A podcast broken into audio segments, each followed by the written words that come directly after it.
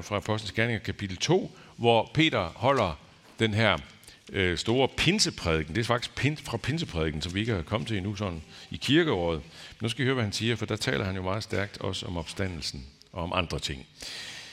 Han sagde sådan her, Israelitter, hør disse ord. Jesus fra Nazareth, en mand, der er udpeget af Gud for jer, ved mægtige gerninger og under og tegn, som Gud gjorde gennem ham midt i blandt jer, sådan som I selv ved. Ham fik I udleveret efter Guds fastlagte bestemmelser og forudviden. Og ved lovbryderes hånd navlede I ham til korset og dræbte ham. Men Gud gjorde en ende på dødens vejer og lod ham opstå, for han kunne umuligt holdes fast af døden. Om ham siger David nemlig, jeg havde altid Herren for øje. Han er ved min højre side, for at jeg ikke skal vakle. Derfor glædede jeg mit, mit hjerte sig, og min tunge jublede. Ja, mit læme skal bo i håb. For du vil ikke lade mig blive i dødsriget. Din hellige vil du ikke lade se forrådnelse. Du lærte mig livets vej. Du vil mætte mig med glæde for dit ansigt. Hvorfor holder vi års fest? Hvorfor øh, gjorde vi lige det her nu med at synge, også med de her børnefakter og alt det her fine? Hvorfor øh, holder vi nadver sådan øh, noget længere hen i dag, når vi holder anden del af gudstjenesten? Hvorfor, yeah, hvorfor har vi klynger? Hvorfor har vi celler? Hvorfor har vi medvandrere? Hvorfor har vi karavane? Hvorfor har vi øh, alfa? Øh, og så kunne jeg bare blive ved, ikke? Sport i bykirken for den sags skyld. Det hele. Fordi Kristus er opstået fra de døde. Dybest set vil det ikke give mening, at vi havde alt det her, hvis ikke Kristus er opstået fra de døde. Selvfølgelig, jeg ved godt. Meget af det kan godt give mening i sig selv på et vist niveau, helt parallelt med, med det, man kan finde i alle mulige andre sammenhænge uden for kirken. Altså det med, med sport og med forskellige fællesskabsting og medvandring og så videre. Alt det der, ikke? Men når det i bund og grund, som det er hos os også, når det i bund og grund er forbundet med og begrundet med den kristne tros kerne, vokset ud af den kristne tro som den inderste hensigt med det, ja, så forsvinder den egentlige mening fuldstændig, hvis Jesus ikke opstod fra de døde. Fuldstændig. Det har jeg sagt øh, år efter år til de konfirmander, jeg har haft sådan tidligere som sovnepræst. Øh, hvis ikke Jesus var opstået fra de døde, så giver det fuldstændig ingen mening at konfirmere jer. Jeg læste en meget interessant artikel øh, i øh, Weekendavisen her i øh, påskeugen øh, øh, af ham, øh, musikeren og forfatteren Christian Let, øh, som skriver noget meget interessant om, han har nogle overvejelser om, hvorfor kristendommen blev den mest udbredte religion igennem alle tider. Hvorfor er den blevet det? Og øh, hvorfor er det den religion, som selv i vores tid har præget nutidens værdier allermest, selv i et sekulariseret postkristent samfund, som vores i mange henseender er. Han kalder det et uforklarligt mysterium. Og det uforklarlige mysterium forstærkes ifølge Christian Let af kristendommens kerne, som er meget paradoxal. Kristendommens inderste centrum, som er meget paradoxal. Man skulle nemlig tro, som man skriver, man skulle tro, at, at øh, en religions succes, altså kristendommens succes, ikke? at den kommer af, at den lancerer en sejrende Gud. Sådan var det altid i, i, øh, i Jesus samtid, i hele antikkens tid. Men kristendommen lancerer en Gud, der lader sig korsfæste. Lidelsesteologien, som Christian Let kalder det der. Og Christian Lett han påpeger fuldstændig rigtigt, at det, er, det, var, det var helt bizart, det var absurd, det var tåbeligt, det var vanvittigt, det her øh, i samtiden, det der fremstod der med den korsfæstede Kristus. Hvordan sker der så det, der alligevel sker, at det op igennem århundrederne, at det, der brænder igennem, det der sætter sig stærkere og stærkere igennem som en grundtone i kulturen, vidt og bredt. Det mærkelige er, i den der meget fine, interessante artikel af Christian Let, det mærkelige er, at han til synligheden ikke kan se, hvorfor lidelsesteologien brændte igennem og vandt. Han skriver meget sådan uh, parentetisk om det, i den her, så at sige, påskeartikel. Det, der nemlig dybest set er den eneste, det eneste, der kan forklare kors nederlagets kæmpe, store, gennemtrængende kraft. Jesu opstandelse. Det er sådan set det eneste, der kan forklare det. Uden hans opstandelse, så ville hans død ikke give nogen som helst mening. Han ville være, øh, have været glemt øh, efter nogle år, måske nogle årtier, hvem ved. Ligesom en hel stribe andre messias skikkelser, som optrådte i årtierne før og efter Jesus. Dem var der mange af faktisk. Personer, som blev anerkendt eller som blev løftet frem som, det er den messias, vi har håbet på i århundreder. Og så dør de, og så går der nogle år, måske nogle årtier, så er de glemt. Jesus blev ikke glemt. Paulus han skriver det her meget enkelt og indlysende klart. Prøv at se, hvad det er, han siger i 1. Korinther 15. Er Kristus ikke opstået, er vores prædiken tom, og jeres tro er også tom. Er Kristus ikke opstået, er jeres tro forgæves. Har vi alene i dette liv sat vort håb til Kristus, er vi de yngværdigste af alle mennesker. Ja. Yeah. Er Kristus ikke opstået, så er det dybest set fuldstændig meningsløst med det her årsmøde. Er han til gengæld opstået, så er det dybt, dybt meningsfuldt alt sammen fra det mindste til det største.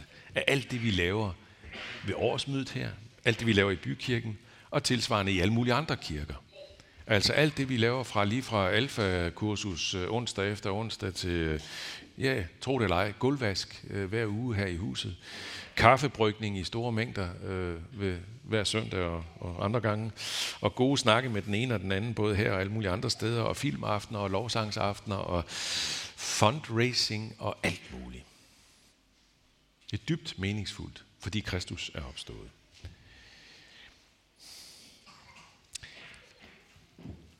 Alt sammen, det er jo øh, set øh, fra en synsvinkel, så er det jo, eller meget af det, det meste af det, er meget jordnært i og for sig. Det er meget lavpraktisk nærmest. Ikke? Altså, og det hænger i virkeligheden også sammen med Jesu opstandelse. Jordnærheden. For hans opstandelse var lige præcis jordnær. På en gang himmelsk og jordnær. Det er det, som kommer meget stærkt frem i det, som er den her søndags evangelium, evangelietekst, som vi ikke har læst. I kender den nok, mange af jer tror jeg kender den fra Johannes evangelie kapitel 20, hvor vi har den her øh, fortælling om Jesus, der pludselig træder ind fuldstændig uventet ind i et låst rum, hvor disciplene sidder og er simpelthen så bange for, hvad der kan ske med dem, nu når det, deres mester er blevet ramt ikke, og blevet korsfæstet. Hvad kan der så ikke ske for dem? De sidder inde bag en låst dør. og Jesus kommer ind, men det er ikke noget med, at han står og banker på døren. Pludselig står han bare derinde. Altså det her, noget helt himmelsk ved den her krop. Noget uforståeligt ved hans krop. Og samtidig meget, meget jordisk, fordi Thomas er en af disciplene er ikke til stede, og da de fortæller ham det, der er sket, de har set Jesus, så tror han simpelthen ikke på det. Jeg vil først røre ved ham, før jeg tror på det, siger han. Ugen efter, og det er det, vi også får i den her beretning fra Johannes 20, ugen efter, så, øh, så, så er Jesus der igen, og Thomas er der også. Og så har vi den her situation, hvor Jesus beder Thomas om at komme hen til sig, og så siger han, ræk din finger frem, her er mine hænder, og ræk din hånd frem og stik den i min side. Side, ja, der var såret sad. Åbenbart sad stadigvæk. Men det samme ligger faktisk også i det, som Peter siger i sin pinseprædiken om opstandelsen, når han citerer det her fra det gamle testamente, hvor han siger, mit læme skal bo i håb. Mit læme skal bo i håb. Med Jesu opstandelse er der håb for lægemet. Som Paulus han også siger det i samme kapitel, som jeg læste fra før, der i kapitel 15, 1. Korintherbrev. Prøv at se. Således er det også med de dødes opstandelse, hvad der bliver sået i forgængelighed – opstår i uforgængelighed. Hvad der bliver sået i svaghed, opstår i kraft. Der bliver sået et sjæleligt læme, der opstår et åndeligt læme. For dette uforgængelige skal iklædes dette forgængelige skal iklædes uforgængelighed, og dette dødelige skal iklædes udødelighed. Der er ikke noget mærkeligt i, at vi elsker det her liv og gerne vil beholde det, og synes, det er svært at dø. Der er ikke noget mærkeligt i, at vi også knokler løs med meget jordiske ting i bykirken midt i alt det åndelige. Det jordiske, konkrete, fysiske liv, det er ikke bare sekundært, sådan at det åndelige, det er det egentlige. Det er det egentlige. Nej. Jesu meget jordnære fysiske opstandelse er et vidunderligt vink fra Gud om hans, hvad skal vi sige, anerkendelse af hans vidunderlige, skønne skaberværk, denne jord. Det er et stærkt signal om, at intet er mere naturligt, end at vi i så mangt og meget elsker det her liv, som vi har fået. Mit læme skal bo i håb. Mit læme. Ikke bare min sjæl, ikke bare min ånd. Nej, mit læme. For dette forgængelige skal iklædes uforgængelighed, og dette dødelige skal iklædes udødelighed. Men så er der heller ikke noget mærkeligt i, at alt det jordiske, vi knokler løs med, både i bykirken og ellers i vores almindelige liv, arbejdsliv og familieliv og hverdagsliv osv., ikke også? at det alt sammen kun lykkes halvt og kvart, og faktisk også ofte mislykkes for os. For vi lever jo i forgængeligheden, vi lever i forløbigheden. Vi venter på at få Jesu opstandelseslæme, Jesu opstandelses virkelighed. Så skidt pyt med, at alt det, vi får frem, i løbet af årsmødet for eksempel her i dag, i alle mulige facetter af bykirkens virke. Alt det, som vi kommer ind på, alle detaljer, alt muligt. Skidt med, at det aldrig bliver fuldstændig vellykket. Skidt med, at det aldrig bliver perfekt. Skidt med, at det kommer til også mange gange at visne lidt igen, noget af det i hvert fald. Og at noget af det faktisk mislykkes også fuldstændig. Skidt med det. For vi lever i håb hele tiden om noget meget større. Vi lever i håbet om at blive fuldstændig mættet for Guds ansigt. Fuldstændig mættet. Det er sådan, som Paulus også siger det i 1. Korintherbrev, lige et par kapitler før i kapitel 13. Endnu ser vi et spejl i en gåde, men da skal vi se ansigt til ansigt. Det er på en måde, som da vi havde, der var bryllup her i går, øh, I ved, Christoffer Sander og Emma Friis, de blev gift. Nogle af jer ved det måske, nogle af jer var måske også til stede.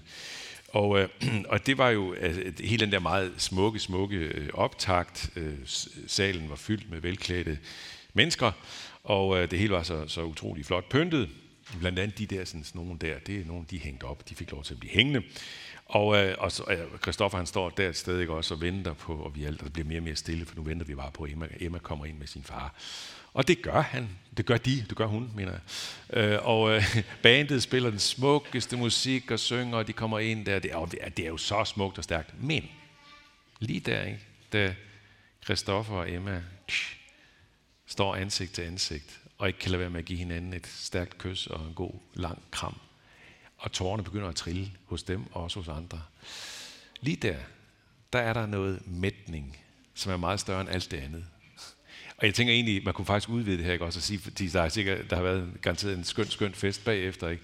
med et hav af fine taler, og masser af god mad og vin, og masser af hygge og fællesskab, og grin og sjov, og garanteret fantastisk. Men jeg tror, og det gør jeg, fordi det var sådan, jeg oplevede selv, da jeg blev gift for mange år siden.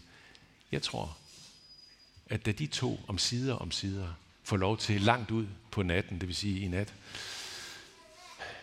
og bare være de to et sted, et eller andet sted, på et rum, ansigt til ansigt, nøgne, der tror jeg, at de for alvor blev mættede i krop og sjæl. Det er sådan, som C.S. Lewis skriver det i sin sidste Narnia-bog, Øh, I ved, den der Det sidste slag, hvor uh, det handler jo om uh, den her ankomst til det nye Narnia, det endelige, uforgængelige Narnia, og begejstringen er jo helt enorm, da de sådan begynder at vandre ind igennem det sådan skridt for skridt og ser, hvor fantastisk smukt og skønt det er. Men så kommer der et øjeblik, et fuldstændig altomvæltende, alt forvandlende øjeblik, og det får vi igennem lille pigen Lucy, hvor der står sådan her, Lucy så, at en lang række skråninger strakte sig opad foran dem som en kæmpe trappe, og så glemte hun alt andet. For Aslan kom dem i møde, springende fra klippe til klippe som et levende vandfald af kraft og skønhed. Du lærte mig livets vej. Du vil mætte mig med glæde for dit ansigt. Derfor siger vi lov, tak og evig ære være dig, vor Gud, Far, Søn og Helligånd, som var, er og bliver en sand treenig Gud, højlået fra første begyndelse, nu og i al evighed. Amen.